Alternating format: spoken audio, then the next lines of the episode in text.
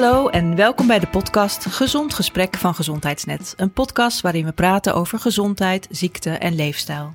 Mijn naam is Karine Hoenderdos, ik ben journalist en ik schrijf en praat over gezondheid en ziekte. Gezond Gesprek is de podcast van gezondheidsnet.nl, de nummer 1 website in gezondheid van Nederland. Over elke podcastaflevering kun je een artikel teruglezen op de website. In deze aflevering gaat het over de huid. De huid die ons beschermt, die kan stralen, die je kunt strelen, maar die kan ook jeuken, schilferen, irriteren, verkleuren, rimpelen en ziek worden. En onze gast vandaag is dermatoloog Lisbeth van der Ree van het Huidmedisch Centrum in Amsterdam. En zij kan ons alles vertellen over de huid. Welkom Lisbeth. Dankjewel. Leuk dat je er bent. En nou, laten we simpel beginnen. Je bent dermatoloog. En wat doet een dermatoloog precies? Ja, een dermatoloog heet uh, ook wel huidarts. En wat ik, uh, wat ik eigenlijk de hele dag doe, is uh, kijken naar mensen hun huid. En met name als het niet goed gaat op die huid. Uh, dus ik behandel verschillende huidziektes, zoals eczeem, um, acne, puistjes. maar ook wel ernstigere dingen nog, als bijvoorbeeld huidkankers. dus eigenlijk alles wat fout kan gaan met die huid, daar heb ik mee te maken vaak. Ja, Oké. Nou, we gaan het ook hebben wat er goed, over hebben wat er goed kan gaan met de huid en wat de huid precies is. Want toen ik deze aflevering voorbereidde, toen las ik dat de huid ons grootste orgaan is. Ja, daar, daar is inmiddels wat discussie over. Oh, Oké, er zijn grotere gevonden. Nou, uh, de, de MDL-artsen, dus de maag-darm-leverartsen, die claimen ook dat de darmen, als je die helemaal uitvouwt met al hun vlokjes, oh, ja. dat dat misschien wel een veel groter orgaan is nog. Maar inderdaad, het staat wel in de, in de geschiedenis geschreven dat de huid het grootste orgaan is. En wat maakt het nou tot een orgaan? Ja, het heeft verschillende functies. En um, het is niet alleen maar een, een, een lapje om ons te bedekken. Uh, het heeft ook allerlei functies, waaronder absoluut bescherming. Um, het beschermt ons tegen allerlei ziektes, uh, infecties van buitenaf. Nou ja, simpel al tegen vuil bijvoorbeeld. Um, maar het beschermt ons ja, ook met name tegen zonlicht. Ja. Um, en een hele goede functie van de huid is bijvoorbeeld het aanmaken van vitamine D. Uh, als we geen huid zouden hebben, dan zouden wij uh, dat vitamine niet aanmaken. En dat vitamine is weer heel belangrijk, uh, bijvoorbeeld ook in, in onze weerstand. Ja, ja, dat vitamine komt regelmatig terug inderdaad in ja. onze aflevering. Het is echt een alleskunner volgens mij, ja. die heel veel doet. Komt ook steeds meer over in het nieuws inderdaad. Ja. En, en waaruit bestaat nou eigenlijk de huid? Nou, de huid bestaat dus uit uh, verschillende laagjes. En uh, eigenlijk, uh, simpel gezegd, noem je het de opperhuid, de bovenste laag. En dan heb je eigenlijk de tweede huid, die eronder zit, de stevige huid. Dat is de, de lederhuid. En dan heb je daaronder heb je nog een soort onderhuid. Nou, daar heb je ook weer allerlei medische termen voor. Eigenlijk epidermis, dermis en subcutus. Um, maar dat zijn de drie belangrijkste lagen van de huid. En die zijn natuurlijk ook weer allemaal onderverdeeld. Maar dit zijn uh, ja, de belangrijkste delen met hun functies. Ja, en wat, en wat is bijvoorbeeld dan de functie van dat bovenste laagje? Ja, de bescherming met name. Mm -hmm. um, en dat is eigenlijk uh, de belangrijkste functie van het bovenste laagje. Ja. En, ja. Daar, en daaronder? Nou, dat is met name stevigheid. En, en daarin zit bijvoorbeeld uh, collageen, hyaluronzuur, um, elastine. Uh, dat, is, dat is eigenlijk de functie van het uh, tweede laagje. En dan heb je daaronder heb je nog een vetreservoir eigenlijk. Ja, oké. Okay. Goed. En heeft dat ook nog een functie, dat vetreservoir? Uh, Jazeker, om het goed warm te houden bijvoorbeeld. Oh ja. Ja. Dus als je weinig onderhuidsvet hebt, dan krijg je het eerder koud? Eigenlijk wel, mm. ja. ja. Oh. Ja, dat zie je, dat zie je bijvoorbeeld wel bij mensen die gigantisch mager zijn. Ja. Dat die hele temperatuurregulatie soms uh, ontregeld is. Ja, ja. oké. Okay. En, en um, haar en nagels, behoort dat ook tot uh, het werkveld van de dermatoloog? Ja, dat doen we ook. Ja, het is eigenlijk veel breder dan je zou verwachten. En uh, haren en nagels horen er zeker bij. Ja, ja. goed. Oké. Okay. Um, nou, je, je, had het net al over de functie van de huid. Hè? Dat je zei van uh, het beschermt ons tegen, uh, tegen vuil en tegen infectie en uh, tegen zonlicht. En um, zijn er ook nog andere functies van de huid? Bijvoorbeeld, ik weet niet. ik denk bijvoorbeeld aan zweet. Zweten, dus je warmte reguleren. Ja, of dus dat de temperatuurregulatie ja? doet ook. Een stukje warmte geeft het. Dat is nog een belangrijke functie. Nou, het, het heeft natuurlijk ook een, uh, uh, psychologisch eh, psychologische functie. Ja. Hè, dat het ons vaak eh, een mooi uiterlijk geeft. Ehm, Lekker in je vel zitten. lekker, echt letterlijk letter, lekker in je vel- zitten. Nou, ik noemde al de vitamine D, ja, de vitamine aanmaak. Ehm, ja, en ehm, dat zijn eigenlijk de belangrijkste functies. Ja, Ja. oké. En eh, nou, huid die kan natuurlijk eh, verouderen. Dan krijg je eh, Yes, en eh, kraaienpootjes en dingen gaan hangen en zo. ja. Is dat, is dat nou fysiologisch? Is dat iets fysiologisch, iets wat normaal is? En kun je er iets aan doen? ja, het is helaas normaal. ja, het is, het is echt iets... Ik vind het niet zo erg hoor. nee. Eigenlijk, nee. Ja, het is natuurlijk iets wat een wet voor iedereen. We verouderen. Ja. Eh, de een veroudert wel veel sneller dan de ander. En dat is natuurlijk altijd de, de grote vraag van de eeuwen heen al. Hoe komt dat nou? Nou, we weten dat een deel is echt eh, aangeboren, is genetisch. Dus dat zie je ook vaak in families. Je ziet vaak een moeder en dochter verouderen soms toch op dezelfde manier.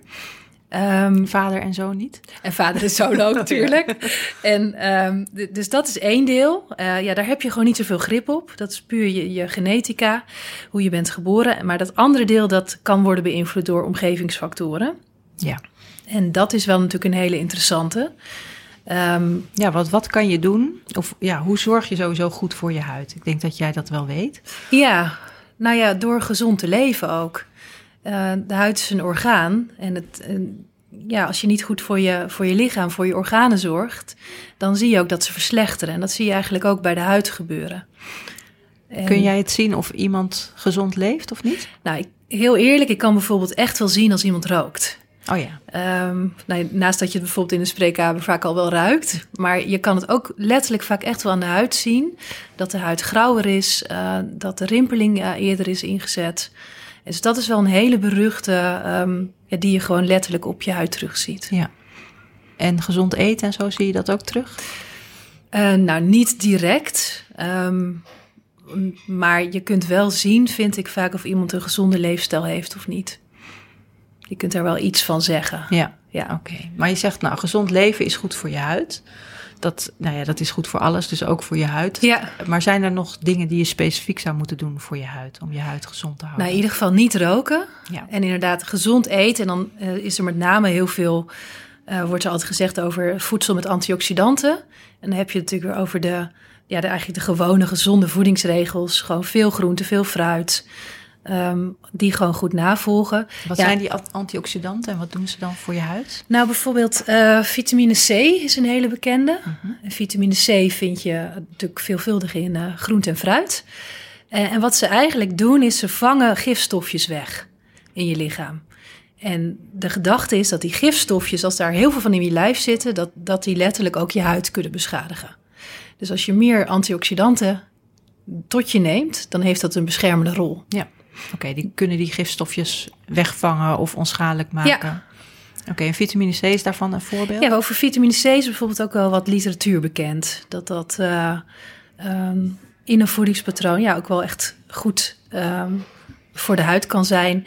En bijvoorbeeld het collageen een stuk steviger kan maken. Ja. ja. En ja, dat zijn allemaal fracties. Kijk, wonderen kun je gewoon niet verwachten. Eh, maar het zijn allemaal steentjes die kunnen bijdragen. Ja, oké. En hoe zit het met de verzorging dan van de huid? Ja, dat, dat vraag je dan aan een dermatoloog. Wij, wij leren eigenlijk altijd dat de huid heel weinig nodig heeft. We krijgen natuurlijk wel aangeleerd eh, van eigenlijk als je al baby bent, dat, dat een babytje lekker moet gaan ruiken of dat hij eh, eh, fris moet zijn. Maar je wordt eigenlijk geboren met een, een soort natuurlijk vet. En ehm, in feite hebben mensen heel weinig huidverzorging nodig. Eh, behalve gewoon schoonmaken met water. En ja, je kunt dan natuurlijk eh, op een gegeven moment, als je huid wat gaat, wat gaat veranderen, wat ouder wordt, ehm, kun je ehm, wat gaan smeren om een soepeler gevoel te krijgen. En om bijvoorbeeld wat waterverlies te voorkomen. Ehm, maar van mij zul je niet horen, dit of dit is de beste verzorging van je huid. Nee. Omdat ja, we eigenlijk dus helemaal niet zo heel veel nodig hebben. Maar je zegt van eh, wassen met water. Is wassen met zeep dan bijvoorbeeld niet goed voor je huid? Nou, het kan niet zoveel kwaad, maar als je te veel was met zeep, weten we gewoon dat die huid veel sneller uitdroogt. Ja. En dat je dus water, natuurlijk water uit je huid verliest, eh, waardoor je ook weer gevoeliger bent voor bijvoorbeeld eczeem of, eh, of hele droge huid, Ja, voor huidproblemen. En uh, hoe vaak moet je jezelf wassen?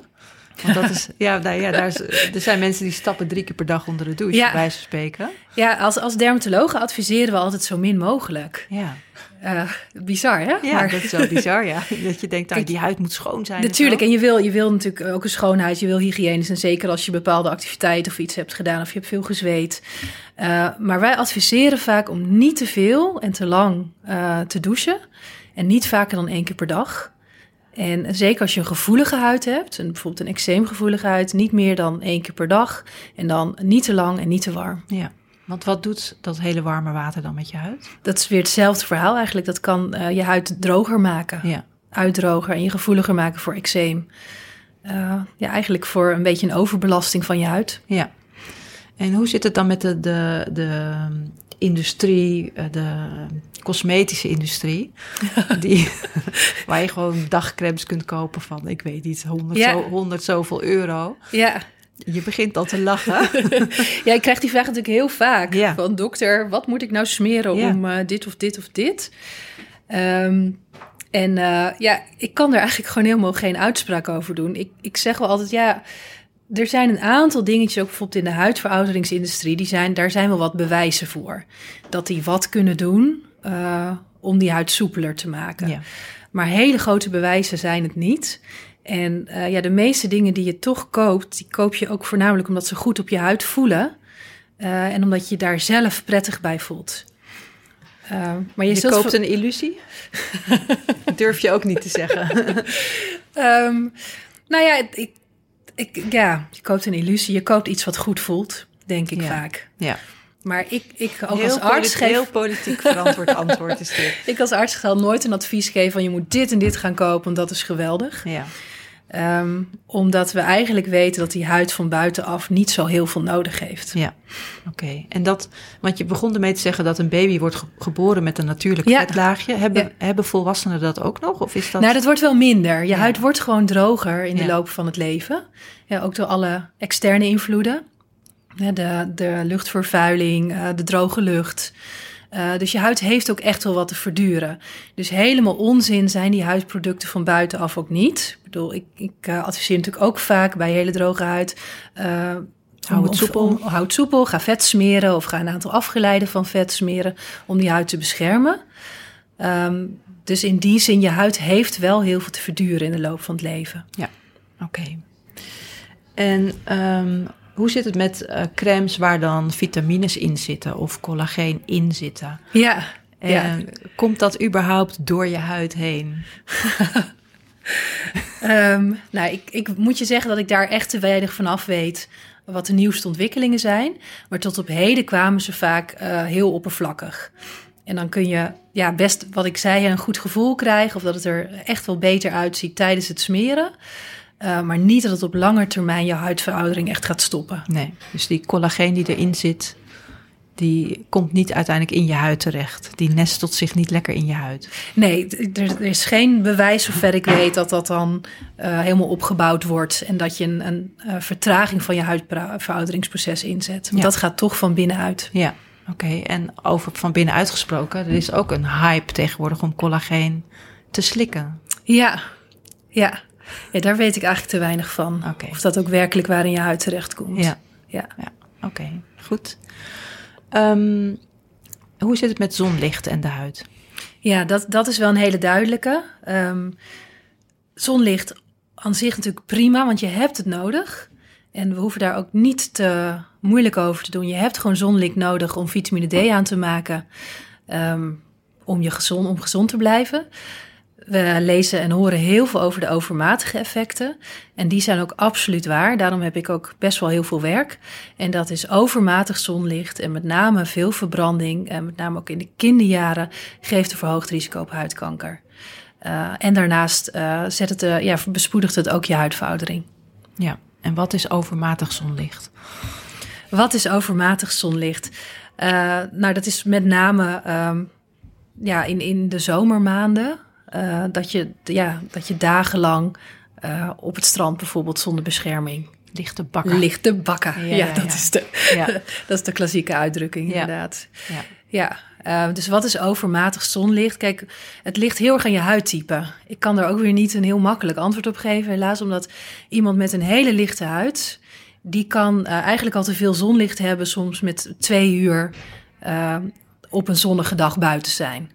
Eh, Zonder bescherming. Maar heb je iemand met een huid met veel meer pigment erin, ja, die kan gemakkelijk vier, vijf uur eh, in, de, in de zon aanwezig zijn. Dus het is heel erg individueel bepaald hoeveel zonlicht jij kan hebben ehm, om, ehm, om geen schade te hebben. Ja, Want en als, je, en als je bruin wordt onder invloed van zon, Ja. wat, wat gebeurt er dan? Ja, dan wordt, wordt er gewoon meer ehm, melanine aangemaakt. Eh, en dat is een extra beschermingslaagje die jouw huid dus zelf genereert tegen de schadelijke effecten van de zon. Hm. Dus dat bruiningsproces op zich is niet zo'n eh, vervelend iets. Dat is wel gunstig eigenlijk. Ja, maar wat er dus vaak gebeurt, zeker bij ja, ons Hollanders met de blanke huidjes, ehm, is dat er gewoon te hard en te veel zonlicht binnenkomt. Waarmee dus ook schadelijke stralen ehm, die huid beschadigen. Ja, oké. En daarvoor is bescherming natuurlijk wel eh, nodig. Dat noem- noemde je al. Behalve dat, je, dat ik denk van nou, in de, tijdens de, als de zon op zijn hoogst is, eh, even niet gaan eh, op het strand gaan liggen bakken. Maar lekker gaan lunchen in, die, Ja, in de strandtent. maar ehm, smeren met een factor, is dat zinvol?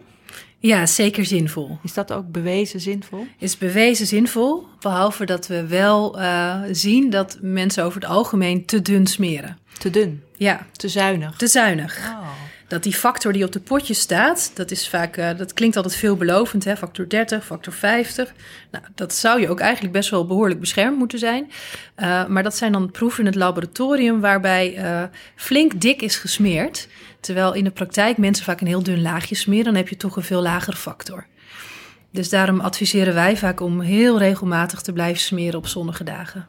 En dikker dan je misschien gewend bent. En ja, helaas dikker dat je gewend bent. Maar goed, ja, dat is in de praktijk ook niet altijd wenselijk. Met zo'n dikke laag vet glibberend, glibberend. de zee in. ja. Ja, ja oké. En is het zo dat je e- eigenlijk elke dag een factor zou moeten smeren? Want dat wordt ook wel gezegd.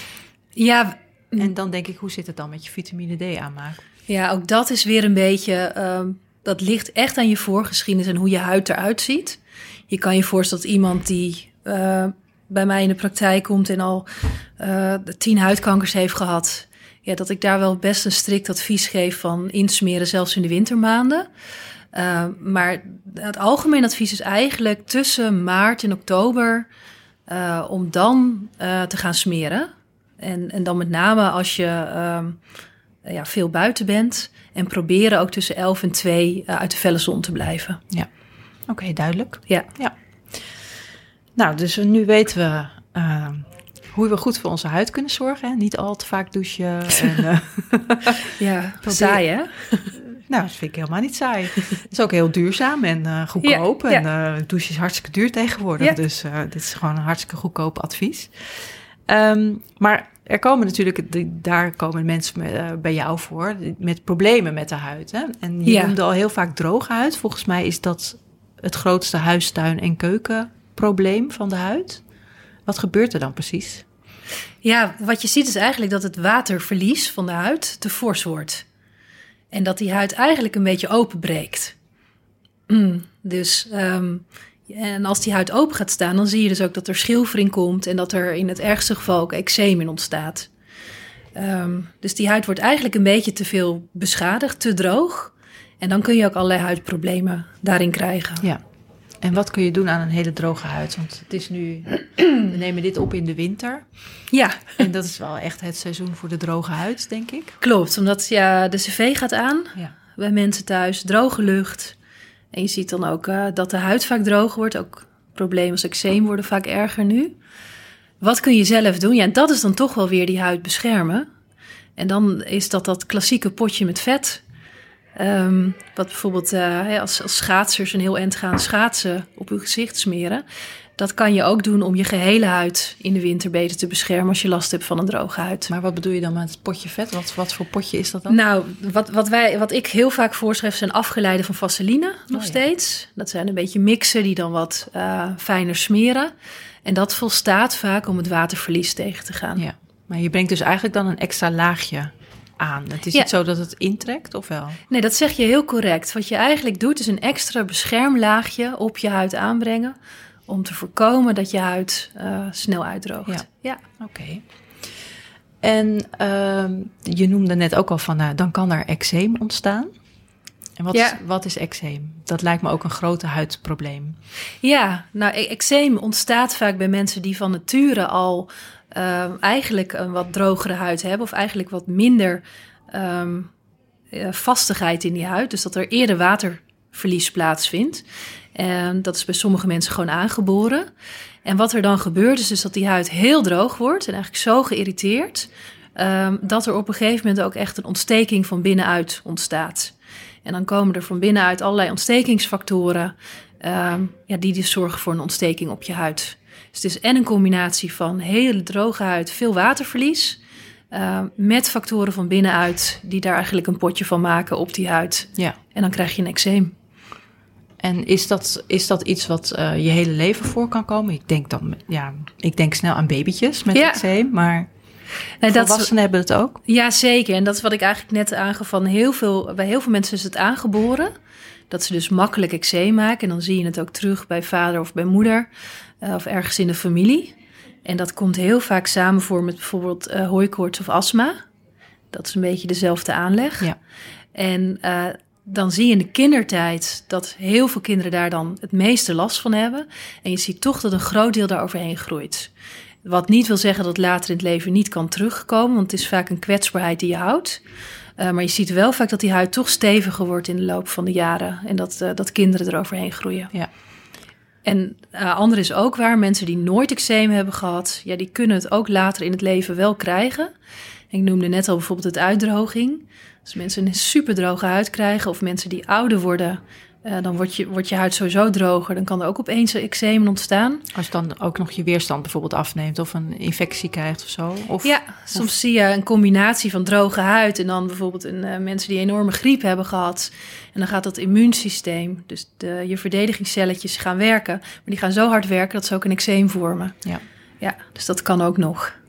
En wat is de behandeling voor eczeem? Nou, de eerste behandeling ga ik weer is vet, vet, vet. Weer het potje vet. Je wil ja. gewoon, je wil gewoon uh, dat waterverlies voorkomen. Um, en als je echt ziet dat er vurige ontstekingen zijn, ja, dan ga je met uh, zalven werken die ontstekingsremmers in die huid brengen. Ja. En dan heb je het bijvoorbeeld over de bekende corticosteroïdcremes, maar er zijn ook een aantal nieuwe varianten uh, op de markt. Zonder corticosteroïden? Zonder corticosteroïden, Ja. bijvoorbeeld calcinurinremmers. Nou, de naam mag je vergeten, maar dat is weer een ander stofje dat weer een ander ontstekingscelletje remt in zo'n eczeem. En kan het goed behandeld worden? Um, het kan goed onder controle gehouden worden. Hmm. Dat is denk ik wat we inmiddels wel heel goed kunnen. Ja. En je hebt vormen die helemaal niet goed reageren, ook niet op salven. Uh, en inmiddels zijn er zoveel mooie therapieën, ook met, uh, met pillen, dat voor de meeste mensen, ook met heftige eczemen, uh, ja, er wel gezorgd kan worden dat ze goed functioneren. En wat voor pillen zijn dat dan?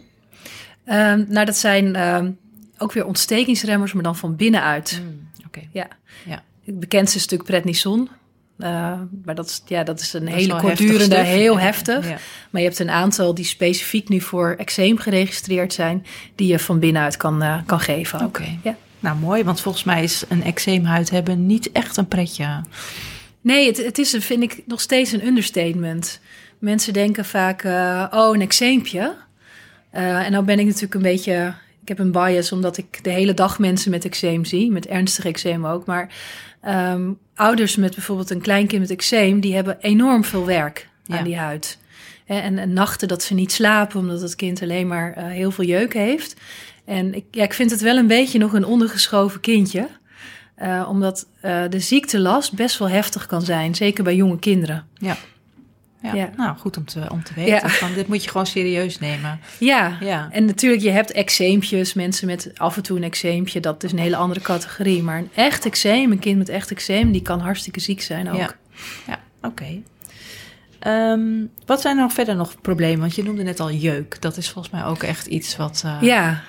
nou, is dat specifiek iets voor de huid? Kun je interne jeuk hebben? Ja, jeuk, jeuk is een hele interessante. Ja. En een hele moeilijke voor, voor ons huidartsen vaak ook. Omdat er heel veel oorzaken voor jeuk zijn. En uh, soms vind je een oorzaak en soms ook niet. En de meest bekende is gewoon ja, ook weer de droge huid. Ja. Dus mensen die op leeftijd komen en die dan.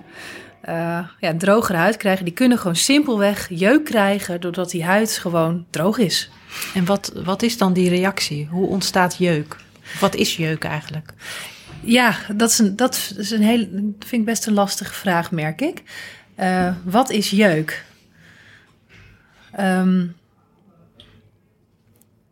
je hebt niet een bepaalde jeukcel. Je hebt, je hebt alleen, zou ik maar zeggen, die dan naar je huid kruipt. Ja. Je hebt gewoon heel veel huidaandoeningen die geven daarbij ook jeuk.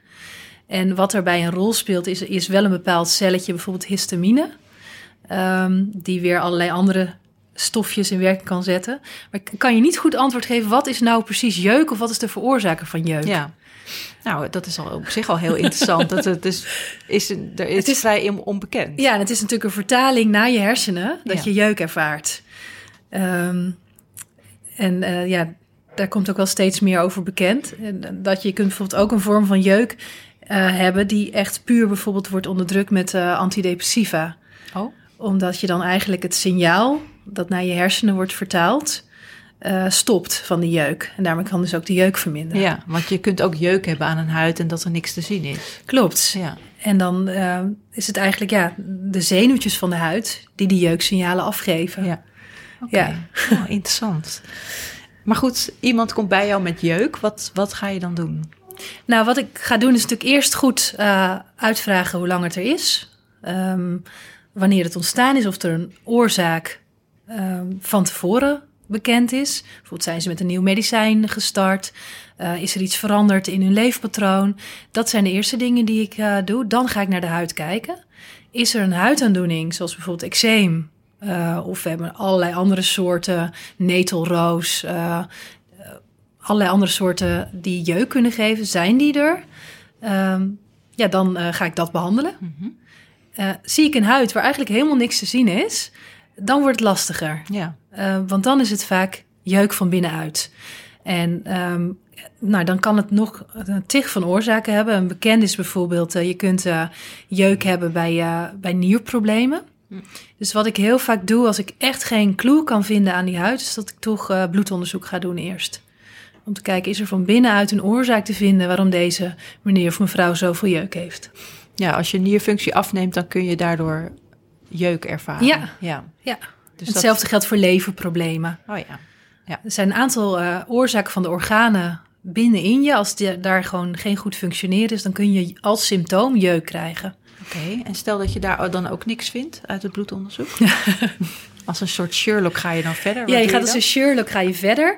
Ja, wat ik ook nog wel eens doe, uh, is dat ik het dan, je noemt dat ja eigenlijk uh, prurite cinemateria, eigenlijk jeuk zonder goede oorzaak. Zeg het nog eens. Prurite cinemateria. Ja. Dus je vindt eigenlijk geen goede oorzaak waarom deze meneer of mevrouw jeuk heeft. Wat je dan ook nog wel eens doet, uh, is dat je het eigenlijk als een soort van neurogene jeuk beschouwt. Dus wat ik net vertelde van... Die zenuwprikkel. Je, je zenuwprikkeltjes, blijkbaar zijn je zenuwtjes zo overprikkeld dat je, dat je jeuk krijgt. Is dat ik met anti, anti-jeukmedicatie ga behandelen. Oh ja. En kijken of dat wat doet. Dus als je echt geen oorzaak vindt, dan behandel je het meer dus op dat zenuwniveau. Ja. En, oh, kijk en, die, en die medicatie zorgt, die werkt dan ook in op die zenuwen. Ja. Oh, ja. ja. ja. De vorige aflevering hadden we het over allergie. En toen uh, zei uh, de diëtist die we spraken, ja. dat zij soms ook wel eens mensen ziet met jeuk. En dat dan soms ook kan helpen om de voeding aan te passen. Ja, en dat meer, is een interessante. Ja, meer een gezonde, immuunondersteunende voeding. Heb je daar ook ervaring mee? Of, uh, nou, ik krijg, ik krijg die vraag natuurlijk heel vaak. Ja. Van uh, bijvoorbeeld als we doorgaan op eczeem, van kan ik nou zelf wat doen aan mijn, uh, mijn eczeemklachten? En het enige wat we tot nu toe weten is dat als je uh, ja, echt een allergie ertussendoor hebt lopen of een intolerantie, dat dat zeker kan werken. maar dat er niet een bepaald voedingspatroon bekend is waarvan we weten, nou als je dit en dit en dit doet, dan gaat die huid fantastisch worden. Ja. Er zijn wel bijvoorbeeld studies bij kleine babytjes bekend dat met probiotica, dat als uh, die kinderen een aanleg hebben voor eczeem, bijvoorbeeld bij vader of moeder komt het voor. En je geeft ze dan uh, op jonge leeftijd probiotica. Dat zijn die gezonde bacteriën. Die gezonde bacteriën voor de darmen. Dan zie je dat, uh, dat het percentage kinderen dat eczeem ontwikkelt minder wordt. Dus dat zijn hele leuke, interessante studies. Ja, ja en ik, ik ben ervan overtuigd, er zit gewoon heel veel kennis, heel veel waarheid in die darmen en de huid. Ja. Alleen uh, hoe, hoe het precies zit en hoe het per individu zit, dat is gewoon heel lastig. Ja, wel interessant. Heel interessant, ja. ja. ja. Oké, okay. nou, is dat genoeg over jeuk of is er nog iets waarvan je... Ik krijg er bijna jeuk weg, weg, weg, weg, met de jeuk. Ja, want precies, ja. Heel eerlijk, als inderdaad, als wij het vraagstuk jeuk hebben... dan hebben we zelf al zoiets van, oh help, honderden oorzaken kunnen hiervoor zijn. Ja, het is echt puzzelen om het, uh, om het, het te vinden. echt een puzzel, en ja. Lukt het je ook wel eens niet? Ja, het lukt me dus ook wel eens niet. En dan ga ik dus echt gewoon een beetje symptomatisch behandelen. Ja. En kijken hoe ik iemands uh, leven weer wat, uh, wat, wat beter kan krijgen. Ja, want zonder jeuk, jeuk is wel erg, toch? Jeuk is verschrikkelijk. Jeuk kan helemaal gek maken. Ja. Ja. ja. Oké. Okay. Um, acne. Lijkt me ook zo'n uh, ja. overbekend huidprobleem. Hoe kan het nou dat jongeren in de leeftijd waarop zij uh, het liefst de hele dag in de spiegel zouden willen kijken en blij zijn met zichzelf, dan acne ontwikkelen. Wat is dat voor een vreedheid van de natuur? ja, dat heeft alles met de hormonen te maken. Dat je, uh, je krijgt de hormonale ontwikkeling, je, je, je wordt volwassen. En die hormonen die zijn hartstikke nodig uh, om van meisje vrouw te worden of van, van jonge man. Uh, alleen die zitten soms in zo'n overstand dat het ook zorgt dat je makkelijker puistjes maakt. En hoe werkt het dan precies? Nou, het is met name um, vaak de mannelijke hormonen, de uh, testosteron gerelateerde hormonen. Um, die zorgen er eigenlijk voor dat je talgproductie omhoog gaat in je huid. Ja. Um, en ook dat je, verho dat je verhoorning wat toeneemt. En dan zie je dus weer bij sommige... Ja, verhoorning, wat is dat? Uh, ja, de verdikking van je huid. Ja. Dus, dus je huidstructuur verandert eigenlijk mm -hmm. onder invloed van die hormonen. En dan zie je dus dat sommige opgroeiende jongens of meisjes... Uh, een beetje puistjes daarbij krijgen. En sommigen krijgen extreme vormen van ja. puistjes. Ja. En hoe die vertaling dan precies zit... waarom krijgt de een nou enorme acne en de ander bijna niks... Want hoeveel procent van de jongeren krijgt acne? Um, nou, is het de meerderheid of is het... Uh... Bijna iedereen krijgt acne. Ja, oké. Okay. Het is bijna iedereen die opgroeit. Alleen de uh, een krijgt het dus veel erger dan de ander. Ja. En weten jullie... En we weten komt? dus niet goed waarom de een het veel meer krijgt uh, dan de ander. Um, en het is wel heel interessant um, wat bijvoorbeeld ook weer leefstijl hierbij kan doen. Uh, want er zijn dus een aantal gebieden in de wereld waar bijna geen acne voorkomt. Um, en daar wordt ook wel gedacht dat dat bijvoorbeeld met, met het leefpatroon te maken kan hebben. Of het heeft met de genetica te maken, met hoe je ge, geboren bent eigenlijk. En waar komt het dan niet voor? Dat vind ik dan wel interessant. Ja, waar komt het dan niet voor? Dat is een... Uh, Die heb je even niet paraat. Die moet ik even opzoeken. Ja, oké. Okay, maar ja. en waarom denken ze dan dat het met leefstijl is? Dat dan, zijn het dan gebieden waar... Nou, dat zijn gebieden waar ze bijvoorbeeld uh, helemaal geen melkproducten gebruiken. Waar oh, ja. ze een ontzettend sober dieet hebben. Uh, en daar zie je dus nauwelijks percentages van acne. En is, het, is dat iets wat jij ook wel adviseert dan aan, aan mensen met acne in jouw spreekkamer? Dat je zegt, probeer ja. eens geen zuivel of probeer eens wat soberder te eten of misschien geen fastfood of suiker. Ik weet niet, wat, wat zijn de triggers, denk je? Nou, dat is echt inmiddels wel een van de adviezen die ik wel geef. Als, als mensen zeggen, wat kan ik nou zelf doen? Um, we weten inmiddels dat als het lukt om een uh, zuivelvrij dieet um, te nuttigen, dat dat een positieve invloed op acne kan hebben, op puistjes. Okay. En hetzelfde geldt voor een acne uh, wat vrij is van producten die hoog zijn in snelle suikers. Uh, en producten die hoog zijn in snelle suikers zijn bijvoorbeeld uh, witbrood, uh, gewoon snoepjes, frisdrank, fastfood. Ja. Um, daarbij zien we uit studies dat als de ene groep dat heel veel doet en de andere die doet dat veel minder of bijna niet, twee groepen met acne, dan zien we dat die groep die dus dat veel minder nuttigt, dat die beter gaat in de ontwikkeling van, van puistjes. Oké. Okay. Nou, dus dat is een, dat is een advies. advies. advies. Ja. ja. maar goed, er zitten genoeg uh, ja, mensen voor mij die uh, een slank postuur hebben, gezond leven en ja, alsnog gewoon puistjes krijgen. Ja. Dus het is meer als mensen wat willen doen, dan geef ik dit als advies. ja. En ik denk dat jij de mensen, niet de mensen ziet die af en toe een puistje hebben, maar je ziet waarschijnlijk de mensen met ernstige acne. Ja, Wat, wat, hoe kun jij die mensen helpen? En nou, ik kan ze helpen weer met allerlei eh, medicijnen. Met, eh, eerst begin je met lotions, in combinatie met eh, ja, eigenlijk talg afremmende crèmes. Dus dat is een van de dingen die ik doe. Het tweede is dat je met medicijnen gaat beginnen. En dan heb je het over ontstekingsremmende medicijnen. Bijvoorbeeld langdurige antibiotica-kuren. En dan gebruiken we dat niet vanwege antibiotica-werking. Eh, niet vanwege bacteriën, maar vanwege ontstekingsremming. En wat, ja, Want het zijn eigenlijk ook weer kleine ontstekingen, net als bij eczeem, Ja. alleen dan een andere vorm. Het is een eh, ontsteking van het eh talgkliercomplex. Ehm, en ja, die wil je eigenlijk afremmen. Ja. Is het ook zo dat deze mensen dan een vette huid hebben? Dat wordt dan wel Ja. gezegd. Ja, Is eigenlijk. dat het talg wat het vet maakt? Ja, Oké. tijdens die, tijdens die puberteit zie je dus dat de talgontwikkeling toeneemt. En daarin kan dus ook met een aantal andere factoren kunnen puistjes ontstaan. Ja. Dus, Dus- hebben standaard eigenlijk ook een vette huid. Ja. En het, eh, ja, het middel wat ik heel veel inzet, omdat ik met name de hele ernstige acne zie, eh, dat is isotretinoïne. En dat is een afgeleide van vitamine A, maar heel, heel hoog gedoseerd. Eh, en daar, zie je, daar leg je met name een deel van de, ehm, van de talgontwikkeling eh, plat eigenlijk. Ja. En je zorgt dat die verhoorning, dus die verdikking eh, van die puistjes ook stopt. ja. Is dat gezond om heel hoge doseringen vitamine A te nemen? Nou, het is natuurlijk niet aan te raden, eh, gewoon als je niks hebt. Maar we weten wel inmiddels, eh, het wordt echt al 30, 40 jaar voorgeschreven, dat je het verder zonder toekomstige problemen kunt gebruiken. Ja. Alle mensen krijgen wel heel veel bijwerkingen. Bijwerkingen? Ja, in de vorm van, nou ja, het grappige is een droge huid, Mm. maar ook droge lippen, droge ogen. Eh, dat krijgt eigenlijk standaard iedereen, want het is ook een deel van de werking. Ja. Eh, dus ja, het is, het is wel een pittig middel, dat zeg ik ook altijd. Maar het fijne is dat als mensen dat middel slikken, dat de kans dat het wegblijft voor goed enorm groot is. ja. Want zijn er ook volwassenen bij wie het blijft? Ja, ja dat noem je dan de acne tarda, de late acne eigenlijk. Ehm, en ehm, hoe dat precies zit, snappen we ook niet zo heel goed. Daar moet ook een hormonale invloed zijn waarschijnlijk. Eh, maar er zijn best wel wat volwassenen die ook toch op late leeftijd nog eh, acne maken, Ja. puistjes. Oké, goed.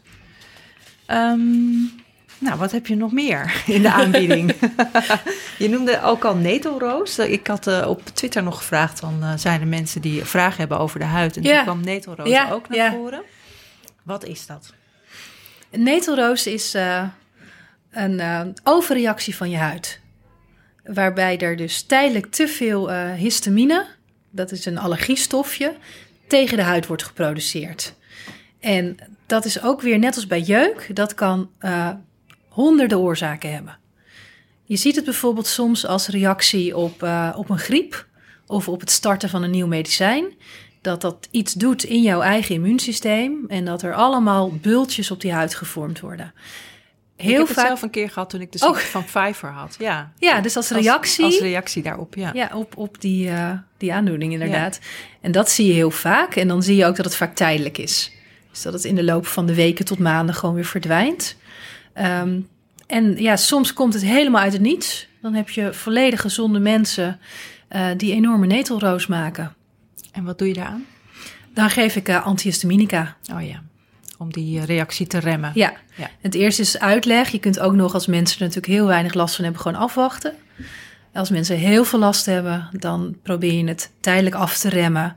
En dan maar hopen weer ja, dat het eigen lichaam het herstelt.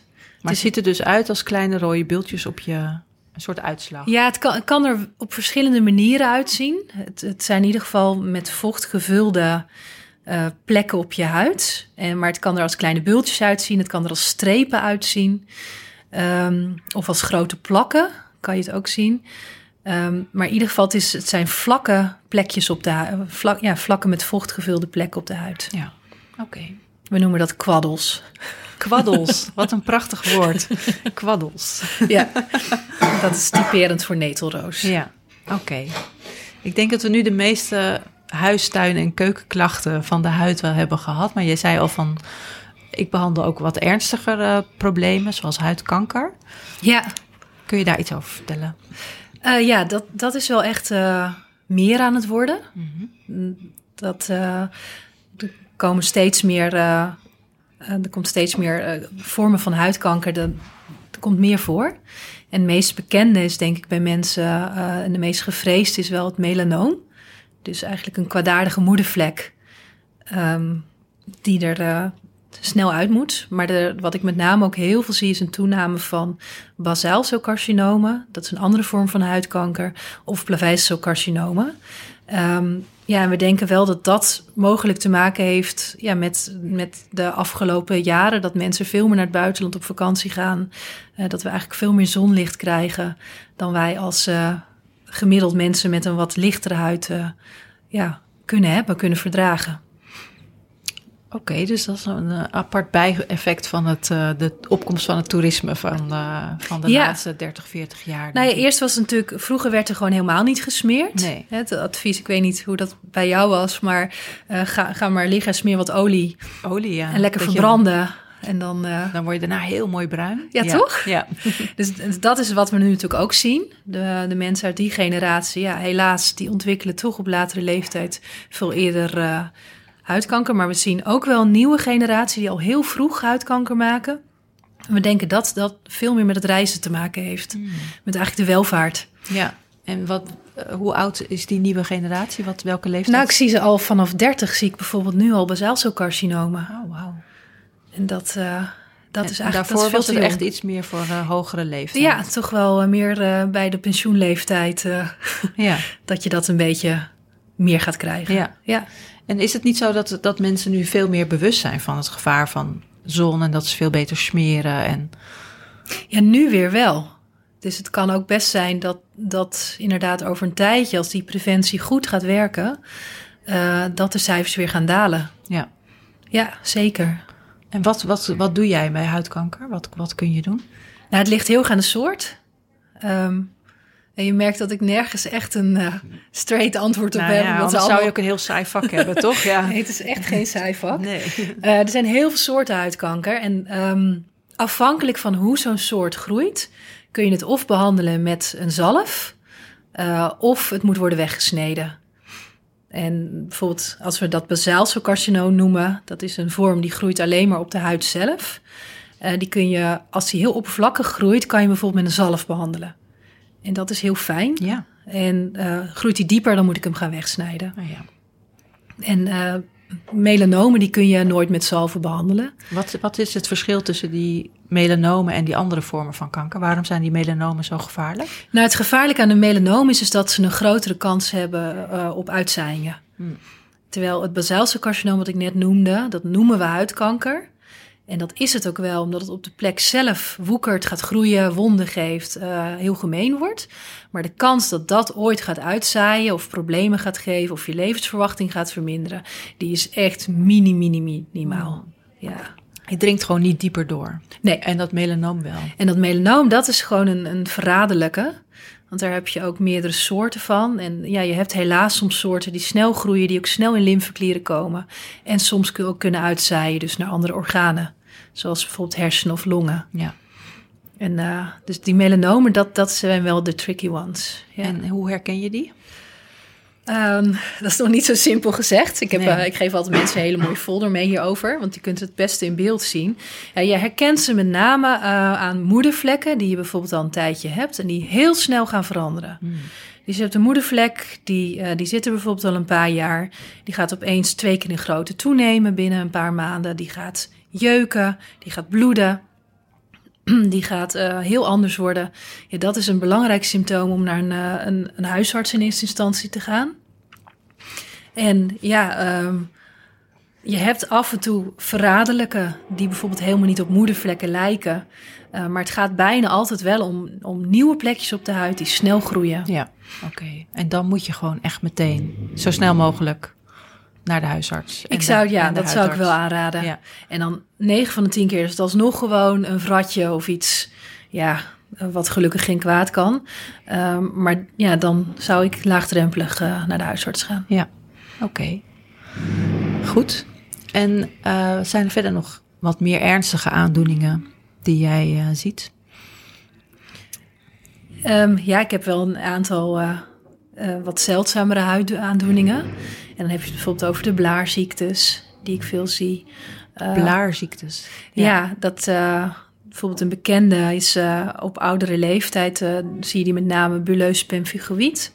Dat is een hele, hele vervelende aandoening, waarbij ja, mensen spontaan blaren krijgen op de huid. Dat lijkt me pijnlijk. En dat ja, kan heel pijnlijk zijn, kan hele lelijke wonden geven. Dus dat zijn ja, toch wel hele pittige huidaandoeningen. Um, ja, ik vind zelf altijd de, de, de vergevorderde huidkankers vind ik een hele pittige. Ja. Uh, een hele moeilijke.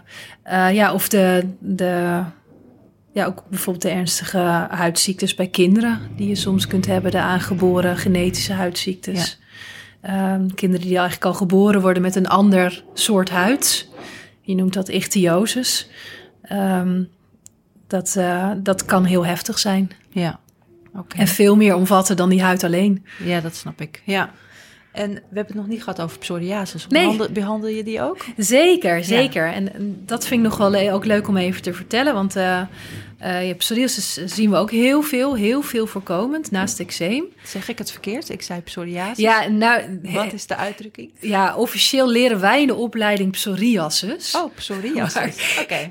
Um, bijna iedereen om me heen zegt ook uh, psoriasis. En, ja. uh, psoriasis, oké. Toen ik vroeger klein was, zei ik dat ook.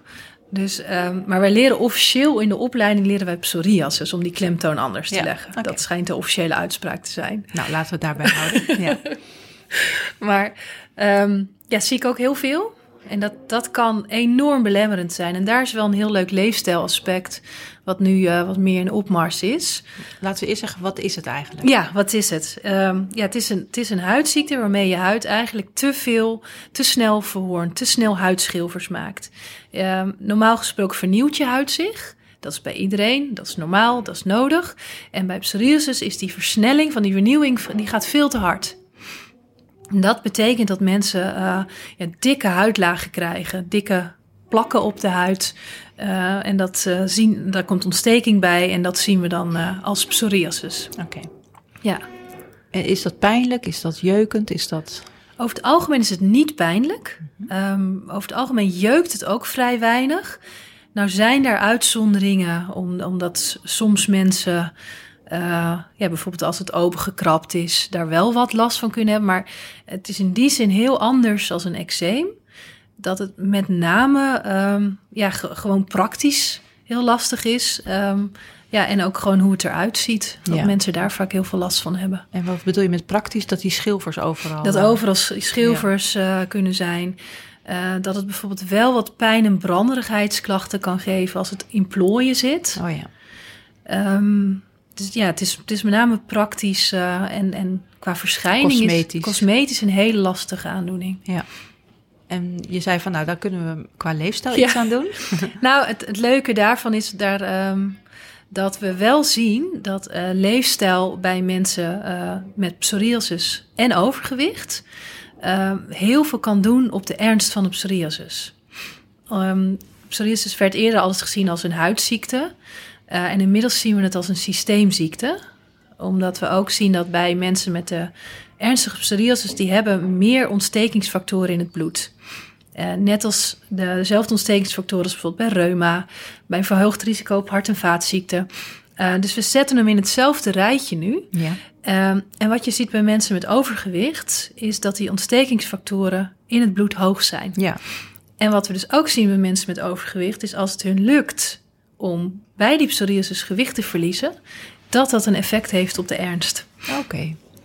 Dus dan verlies je niet alleen gewicht, maar je huid verbetert ook. Maar je huid verbetert ook, ja. Maar zover dat het ook verdwijnt, of dat nou ook weer niet? Nee, dat, dat niet. Uh, want psoriasis is ook weer aanleg. Uh, want anders zou iedereen psoriasis kunnen hebben. Uh, een stukje aanleg en een stukje omgeving. Ja. En dat omgevingsdeel, daar kun je dus wel wat winst in behalen. En wat kun je verder doen als arts? Ja, dan zitten we weer in de medicijnhoek. Ja, ja. Ik begin ook weer daar altijd met eh, dezelfde soort zalven bijna als bij eczeem. Dus van buitenaf ontstekingsremmende zalven. Eh, en eh, in, verder zijn er ongelooflijk veel medicijnen, ook van binnenuit, die, die kunnen werken en die nou, met name de levenskwaliteit kunnen verhogen. Ja, oké. Ja. Maar we hebben niks wat het kan omdraaien, helaas. Nee, nog niet. Nog niet. Nee. nee. Of misschien komt dat wel nooit. Wat denk jij? Of er ooit een medicijn komt dat psoriasis kan eh, omdraaien. Ja, nooit weet ik niet. Nee. we hebben geen glazen bol, maar... eh, eh, nee, ja, dan, dan zou je toch denk ik op eiwitniveau, op genetisch niveau iets moeten kunnen gaan omdraaien. Ja. Ja, dat is echt dat- toekomstmuziek. dat is de Dan, toekomstmuziek. kunnen we heel veel ziektes gaan omdraaien. Ja, dat je misschien met een virus eh, de genen kunt gaan veranderen. Ja, ja. Maar ja, nee, ik zie dat niet op korte termijn gebeuren. Nee, oké. Goed.